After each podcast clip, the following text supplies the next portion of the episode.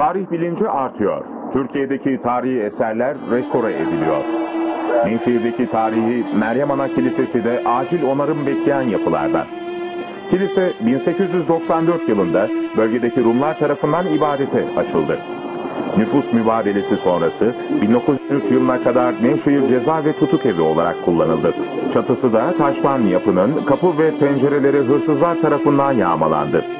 Sütun dipleri define avcıları tarafından boşaltıldı.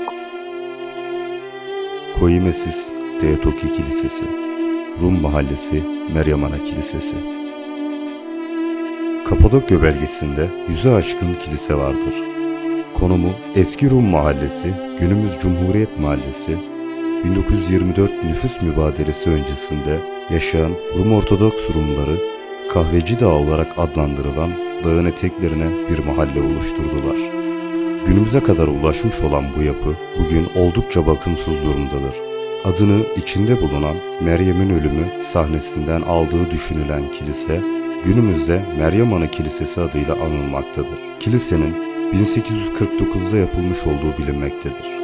Bunların 1924 mübadelesi sonrasında bölgeyi terk etmesi sebebiyle kilise bir süre boşalarak durmuştur.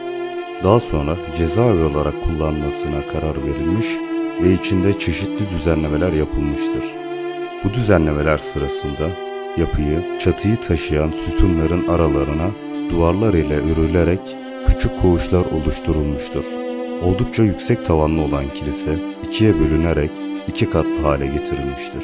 Kazanılan alanlara çeşitli odalar, banyo ve tuvaletler ilave edilmiştir. Yapı düzenlenen yeni haliyle 1950-1983 yılları arasında Nevşehir cezaevi olarak kullanılmıştır. Kilise bugün kaderine terk edilmiş durumdadır. Kilisenin cezaevi olarak kullanıldığı yıllarda ve sonrasında önemli bazı konuklar olmuştur.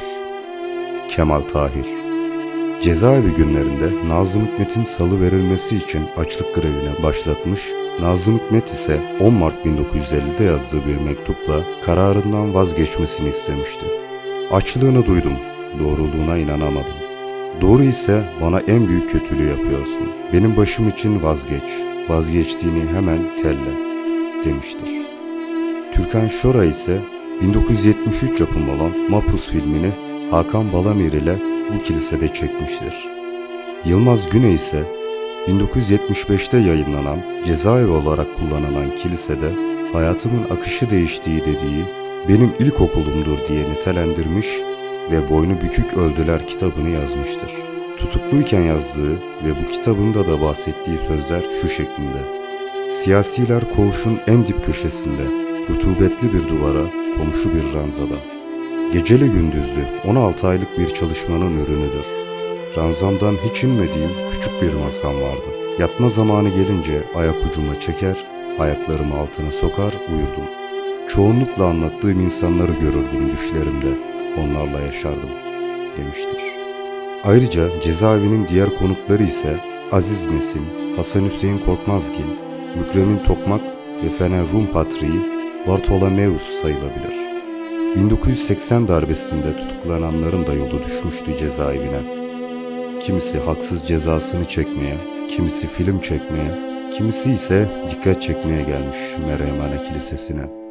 Bu konukları kısaca tanıtmak yapının tarihi kimliğini hissetmemiz açısından anlamlı olacaktır. Bu kilisenin yani eski cezaevinin Nevşehir Tarih Müzesi olarak onarılarak aynen koruması gereklidir.